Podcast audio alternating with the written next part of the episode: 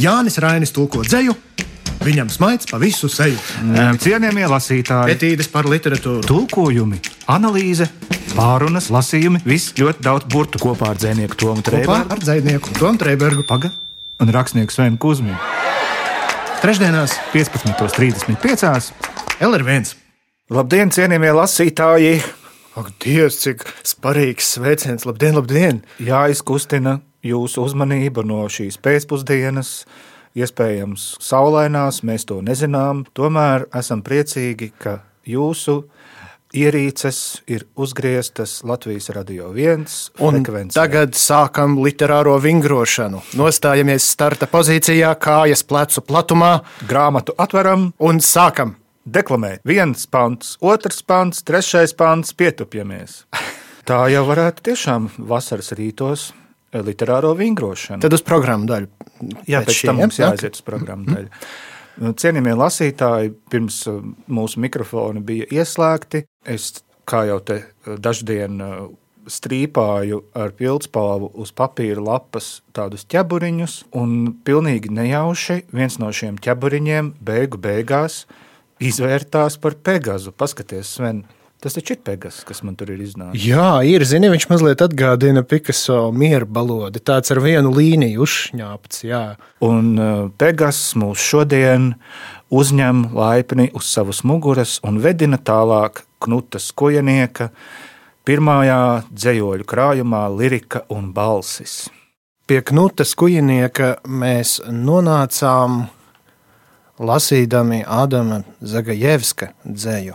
Un interesanti, ka es viņdien pārlasīju interviju, ko Knuts Skujnieks bija sniedzis Ievai Lešinskai 2011. gadā šķiet, un tā intervija ir izlasāma žurnālā Rīgas laiks. Skujnieks un kompānija, ar kompāniju saprotot Vizmu Belševicu un ā, Māri Čaklo, tās paudzes latviešu dzēniekus, vai ne, ka viņi arī ir mācījušies poļu valodu. Un poļu valoda viņiem kā reiz ir bijis tāds izejas punkts uz pasaules literatūru. Nu, Knuta gadījumā jau viņa valodu peldēšana ir tiešām apbrīnojama, jo viņš ir atzējojis tekstus no kopumā 12 valodām. Nu, starp tām interesantākās būtu pieminamas senebreju, maķedoniešu, serbu, slovēņu, tad arī kaut kas nedaudz tuvāks un saprotamāks ukraiņu, zviedru un dāņu.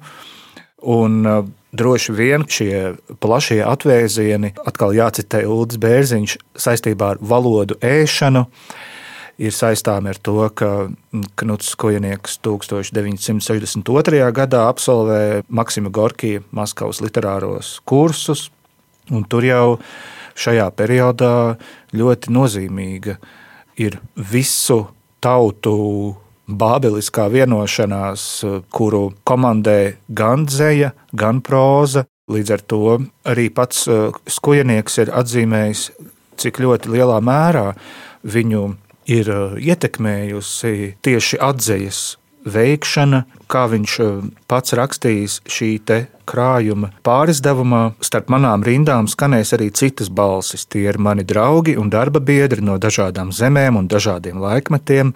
Ar viņiem esmu saudzis, tos atzējodams. Es palīdzu viņiem skanēt latviešu, viņi palīdz pasakīt to, ko neprotu.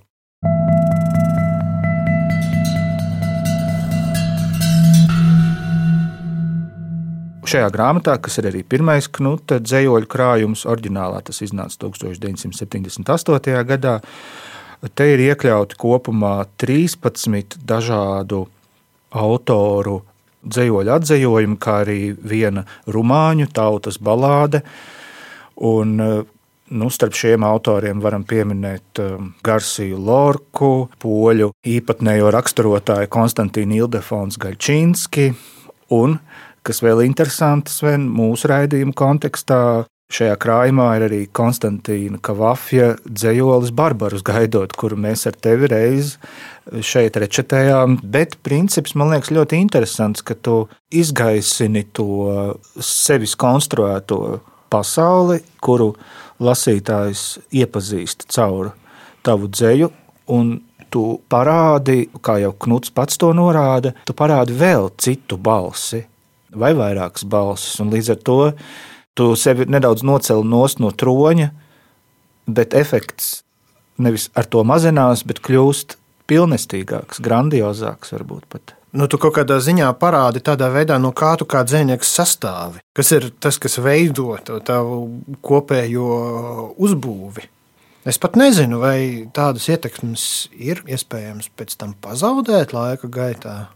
Tev ir bijis kādreiz tā, ka tevi kā dzīslas rakstītāju pēkšņi kaut kādā jaunā virzienā pavērš kāds svešs teksts, ar ko tu esi strādājis. Nu, tas Zagajevskis jau arī to izdarīja. Aha, nu re. Cienījamie lasītāji, lai mēs sāktu gremdēties dziļākā analīzē par Knuta skujanieku liriku un balsīm, uzskatu, ka nepieciešams arī dzīslas lasījums, un tad jau mums būs pamatins.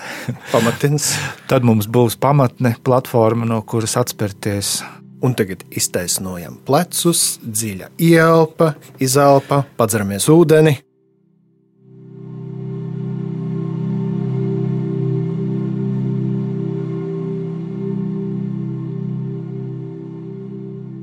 zied mani deniņi kā ābeles, tik gausi grūti top, līdz pašā naktī, visgrūtākajā naktī izziedēs, un viss būs balts, un viss būs saprotams, un viss būs piedodams un nepārsūdzams.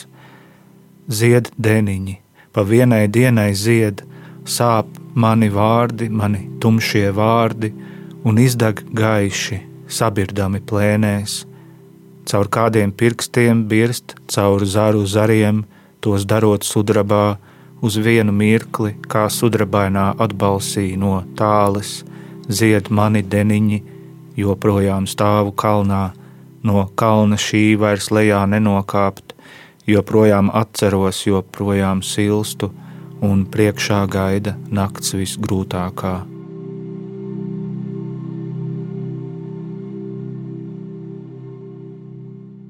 Līdzīgi kā, teiksim, es nezinu, no kurienes tas ir radies, bet ir vesela rinda tādu piemēru, kuri ilustrē kaut kādu fenomenu vai sadzīvisku detaļu pieņemšanu un aprobēšanu tikai ar kaut kādu noteikta vecuma iestāšanos. Nu, piemēram, kad es biju mazs, man šausmīgi negaršoja olīvas. Man viņas iegaršojās tikai kaut kad pusaudzībā. Vēlā. Nu, tas ir ļoti klasisks piemērs. Jā. Nu, tāpat droši vien ar nezinu, vēl kaut kādām īpatnām lietām, nu, piemēram, nezinu, kaut vai ceptas reņģis. Cepti sīpoli un mālers. Nu, jā, tās ir nianses, kuras tu apgūsti un atklāji viņu patieso jaudu tikai pats kļūstot nu, kaut kādā ziņā jaudīgāks. Nu, tas prasa sagatavotību, zinām, jā. jā. Un kas tad to jaudu veido? Tā ir droši vien pieredze, un tas ir aiz muguras atstātais gadu kamols, kurš satinies dzīparu dzīparos. Un ar skojanieku, man liekas, ir ļoti līdzīgi, jo tad, kad es sāku tā pamatīgi urpties cauri dzejas sienai, es skojaniekam vienmēr kaut kā gāju apkārt, jo man viņš likās tāds, nu, ja, piemēram, jā, jā, jā. Man, man vienmēr ārkārtīgi patika filmu cilvēku bērns, jā. puika bija garlaicīgs, jā, nu, frēmaņi. Sapratu jā. ideju, jā. Un tikai, protams, ar gadu nastu, ne nastu, bet gadu kolekciju, tu ieraugi, ka, nu, arī tajā puikā ir īstenībā ļoti svarīga, ļoti skaista, arī traģiska pasaule. Mm -hmm. Un tas pats ir attiecināms arī manā redzējumā uz Knuts Kojanieka dzēju. Es viņu atklāju tikai tagad. Kas tādā gadījumā bija tas elements, kas tev likās iztrūkstošs, varbūt kaut kad no viņa, ko tu tagad pēkšņi ieraudzīji? Ko tu nemācēji tur saredzēt jaunības laika lasījumā? Es tagad neatceros, kur es lasīju, bet vienu ļoti svarīgu frāzi. À, man liekas, ka tas bija Lilijas Dzenes izmeklētajos rakstos, kur viņa citēja vienu krievu režisoru, kurš arī līdzīgi teica par to paradoksu, ka klusums īstenībā var būt viskaļākais un tā mm. tālāk. Nevienmēr dekoratīvisms vai saturiskā pieblīvētība ir dzējas vai literatūras perfektākā realizācijas forma, bet tieši vienkāršībā, bet ļoti smalkā, bezmaz juvelieriskā izkārtojumā un atbildībā pret valodu, tur var rasties šī garīgā eksplozija, kuru tu iegūsti satiekoties ar tekstu. Nu, man laikam bija tāds kaut kādā ziņā līdzīgs tas process, kā man veidojās tās attiecības ar lirisko dzēju. Ja tad, kad mēs runājām par Zagajevski, atcerieties, ja es vairāk kārt pieminēju par to saprašanas problēmu, par uh, to, ka dzējas valodai un tādai tiešai saprašanai tas nevienmēr tā darbojas. Un ja mēs lasījām Zagajevski, un man bija tāda sajūta, ka jā, es varu ļauties viņa dzējas tēlu radītajam iespaidam, bet vienlaikus man ir sajūta, ka viņš spēlē arī ar mani kaut kādu intelektuālu spēli. Nu, bet es nevaru īsti tajā spēlē piedalīties. Mēs esam pavisam dažādās līgās. Tad ar Knutu man šī doma paturpinājās. Man pat nebija nevienā brīdī tādas sajūtas, ka man kaut kas ir speciāli jāsaprot, ka man ir jāveic kaut kādas intelektuālas darbības, lai šai dzējai piekļūtu. Es vienkārši sāku lasīt viņa dzēju, pilnā mērā atdodos un ļaujos tiem iespaidiem, un tas kognitīvais, tas skaidrojošais, racionalizējošais un visu laiku kaut kādus šifrus un atslēgas meklējošais prāts, viņš vienkārši tiek nolikts malā. Un tagad mēs jums izstāstīsim, kā tur dvēseles pinas ķirškoku zaros un putni lido apkārt. Tu zini, man bija tāda atbrīvošanās sajūta droši vien. Jā, atbrīvošanās sajūta ir tas pareizais vārdu salikums. Vai varētu teikt, ka tas ir kā būt grēksūdzē, kurā nav grēka? Arī redzīgi, dzinieka vārdi visu var pateikt daudz labāk. Es te kaut ko vērpju, vērpju. Nu, bet kā tad, ja tu nevērpi, tu kaut ko mēs tajā raidījumā liktu sienāžus, kuras izsinas, tad citu. Un nu, visu dzīvi pataisa par gausu ugunsgrāku. Tieši tā. Ja grēksūdze bez grēka vai arī eksāmens bez jautājumiem. Jā, ka tev atbrīvo no taviem ikdienā ierastajiem instrumentiem. Nu, tagad vienkārši eksistē. Baigi forši, man ļoti patika. Kaut kas tam līdzīgs notiek meditējot, piemēram. Cienījamie lasītāji, šodien mēs pārlapojam Knutas Kujanieka pirmo dzējoļu krājumu, lirika un balsis. Un turpinājumā poēma, kuru lasāma pa laikam parādot mēli. Tu lasies rādu mēli.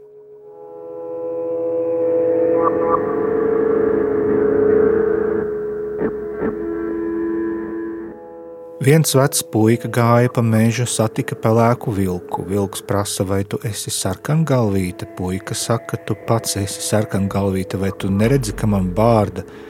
Vilks vaicā, par ko tu domā, vecs puika atbild par poēmu, kam tev tā poēma pelēkais brīnās, vecais nospļaujas, man tā pa dzimumam jau sēž aknās.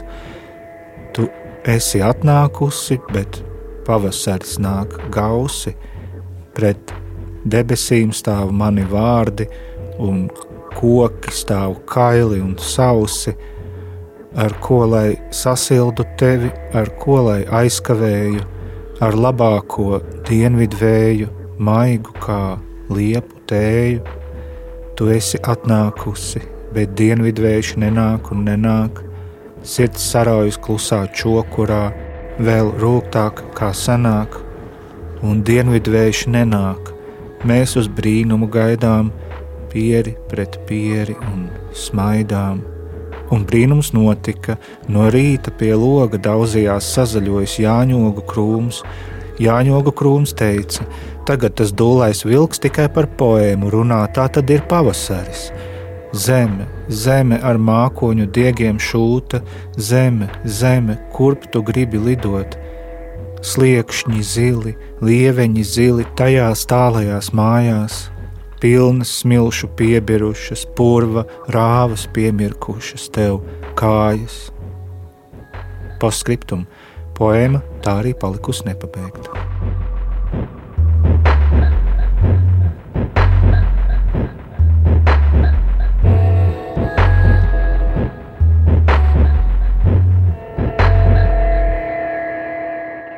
Bet teica, teica man dzēnieki, mēs esam sākuši jau diezgan sen šo tēmu, un pēdējā laikā tā ir ļoti aktualizējusies par to, ka grāmata ir arī cilvēks, kas to grāmatu ir sarakstījis. Kā ir, ja mēs apvēršam to domu otrādi?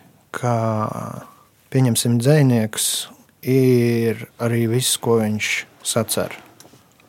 Un tā tad, attiecīgi, dzinieka darbs ir ne tikai tās rindiņas, kas ir uz papīra, bet arī tas, kā viņš dzīvo.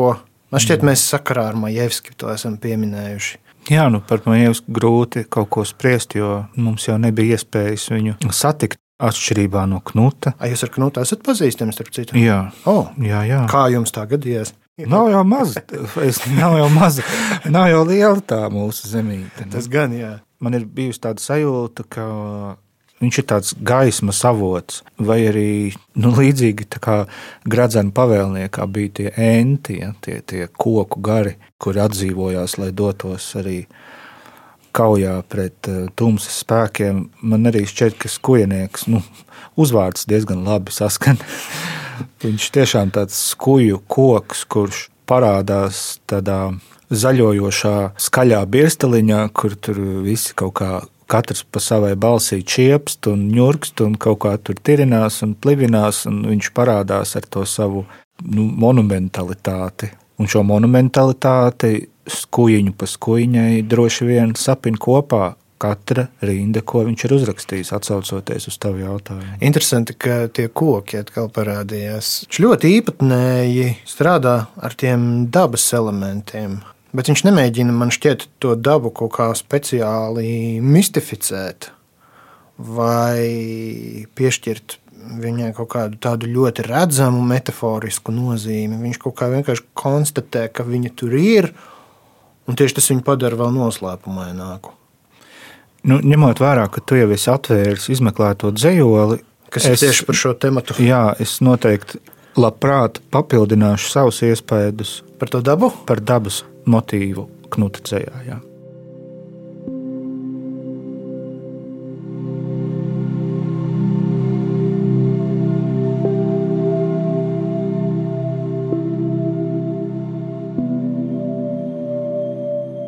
Akmeni, vai tu spēj padzīt no sevis ceļinieku? Spēju, tikai tad man ir jāiet tam līdzi. Tu mani paņem, un es esmu salauzta upe, Mana mēlē vēl nav atkususi, rokas pilnas ar drazām, bet dvēsele pieder tev kā putekļs pieder pavasarim. Es nekaroju, es nevaldu, es tikai kalpoju tavu krāsu, nesot tavu domu, domājot. Kas salauzts, tam jāplūst, kas sacīs nāve, tam jāteic pēc nāve. Es jau eju zem smilts un zem klīns, un manās acīs skaidroju savoti. Šodien nevajag gaismas, un nedod to man arī rītu. No paša vidus aug uguns nenotverams un nepamodies, un aug uz tevi un nepamostas. Zvaigznes iekārtojušās migās un aicina mūs uz nogurumu. Mēs klusēdami saucam viens otru un aicinām zvaigznes. Ņem maizi, kas rokā un izpeldēsi caur izmisumu, ņem roku, kas sirdī un pārklibosi pār neticību Ņem sirdi, kas dvēselē, ņem dvēseli dvēselē, bet mēs klūpam visi pie sīkas virgzda. Un tā ir netaisnība. Klijāna man neizdibināms tavs miers un augstums.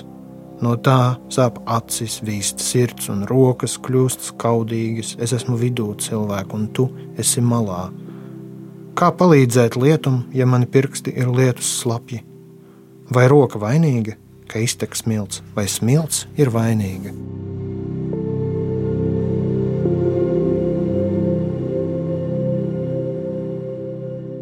Man ļoti uzrunā tas, cik ļoti Knuts Kujnieks skrupulozi un tiešām ķirurģiski bezmaz apdzīvo šīs dabas detaļas, Vai ne tāda sajūta, ka tur ir rosība, kaut kas ņirb, kaut kas notiek nepārtraukti?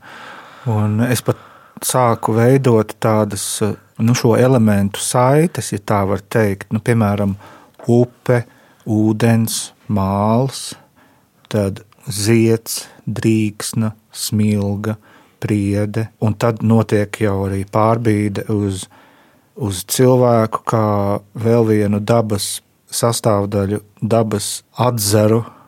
Tur ir plauksta, roka, dēlna, un tad cilvēks iegūst arī savu zemes formu, un tā ir māte, tas ir bērns, tad ir šūpulis, un tad visam pāri kosmogoniskais līmenis, kur ir saule, mēnesis un debesis. Nu, tiešām tāda mikrokosmosa ierāmēšana. Un tur nav, starp citu, notikumu, kas būtu laika rāmī. Tur nav vēstures vispār absolūti nekādas. Tur nav arī kāda laika plūduma. Tur pat sezonas, ja mainās, tad pēc tam tūlīt pats samainās arī atpakaļ. Viņš kaut kādā tādā pilnīgā bezlaika telpā eksistē. Varbūt tāpēc nu, arī tā ir lirika, ka viņa ir svabada no laiktelpas. Jā, viņi ir slabādi vispār no patiesībā ļoti daudz. Kā, nu kā, nu tur, protams, ir dzīve un nāve. Mēs nedzīvojam it kā no vienas puses mūžīgi, bet tad mēs nonākam, redzat, kā tajā dzīvolī smiltīs un acīs jau skaidrojas avoti. Ja tu saki nāve, tad arī pēcnāve un viss kaut kā tā, zini, saslēdzas vienā aplī. Cienījamie lasītāji, klausītāji, un uh, citi pilsoņi. Šodien mūsu galvenais varonis bija Knuts Kojanieks un viņa pirmais dzējoļu krājums Lirika un balsis, kuru laimīgā kārtā apgāds Jumava ir pāris devis nu, jau pirms diviem gadiem, un uz uh, uzredzēšanās viļņa mēs padrēfēsim vēl ar pāris dzējoļiem. Mm -hmm.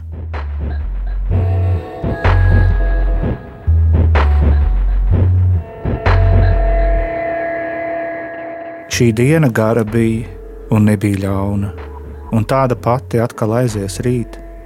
Mēs kāpjam debesīs pie vērša un pie auna, to balto mēnesi sāli palaizīt. Pa vēja izļodzītām miglas kāpnēm iet bars, iet vezums, dievam bēdu sūdzu Mēs dzīvojam no tukšuma uz slāpēm, skan mūsu krūzes džerkstoši bez vāpēm, un sausa mēle jaunu krustu lūdz. Šī diena gara bija, bet tās nav gana, un tāda pati atkal rītu būs, un kāpjam mēs pēc kučiera un gana, un mostamies pēc pašu sistā zvana, kā balta puta aizpeldu pestīšana un saules bedrē atkal pamet mūs.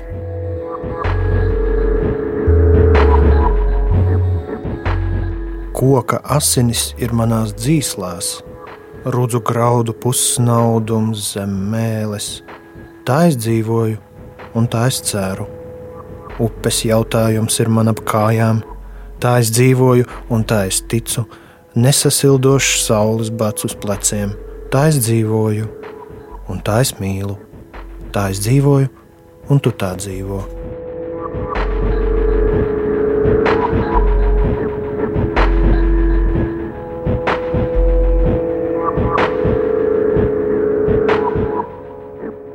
Cienījamie lasītāji, ceļā uz Knutas Kujanieka 85 gadu jubileju. Opa, jubileja! Tikai mēs, tagad to uzzinu. kuru mēs varam ar Lauru Vainagu aplikt jau šobrīd 5. septembrī. Jūs klausījāties mūsu pārskatu, un e, nākamajā reizē jau atkal kāds cits literārs darbs, vai darbonis, vāks, lapas, satura rādītājs, ievads. Mm. Cienījamie lasītāji, uz tikšanos nākamreiz. Atā! Jānis Rainis tulko dzēju Viņam smaids pa visu seju.